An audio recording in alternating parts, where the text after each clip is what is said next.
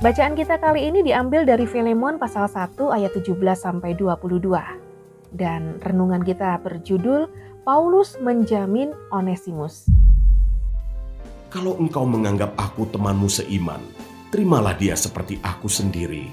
Dan kalau dia sudah merugikan engkau ataupun berhutang padamu, tanggungkanlah semuanya itu kepadaku. Aku, Paulus, menjaminnya dengan tulisan tanganku sendiri. Aku akan membayarnya agar jangan kukatakan, tanggungkanlah semuanya itu kepadamu, karena engkau berhutang padaku, yaitu dirimu sendiri.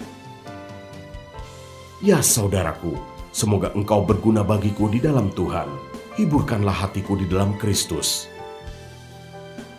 Dengan percaya kepada ketaatanmu, kutuliskan ini kepadamu.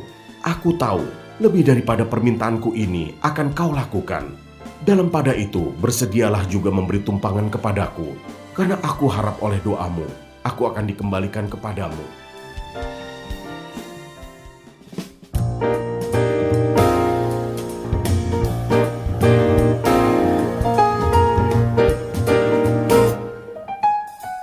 Aku, Paulus, menjaminnya dengan tulisan tanganku sendiri. Aku akan membayarnya, agar jangan kukatakan tanggungkanlah semuanya itu kepadamu, karena engkau berhutang padaku, yaitu dirimu sendiri. Filemon pasal 1 ayat 19.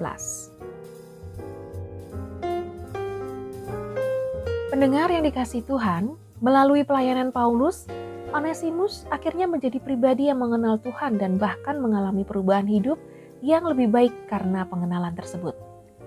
Dengan perubahan itu, maka Paulus memohon kepada Filemon untuk memaafkan Onesimus. Bahkan Paulus berani menjaminnya. Tindakan Paulus ini tidak main-main karena dia sangat mengenal Onesimus, anak rohaninya. Menjadi penjamin bagi sesama tidak bisa dilakukan secara sembarangan. Hal ini harus dilakukan dengan hikmat dan mengenal orang yang akan ditolong supaya tidak menimbulkan masalah lainnya. Tuhan Yesus sendiri mengatakan supaya para muridnya cerdik seperti ular dan tulus seperti merpati.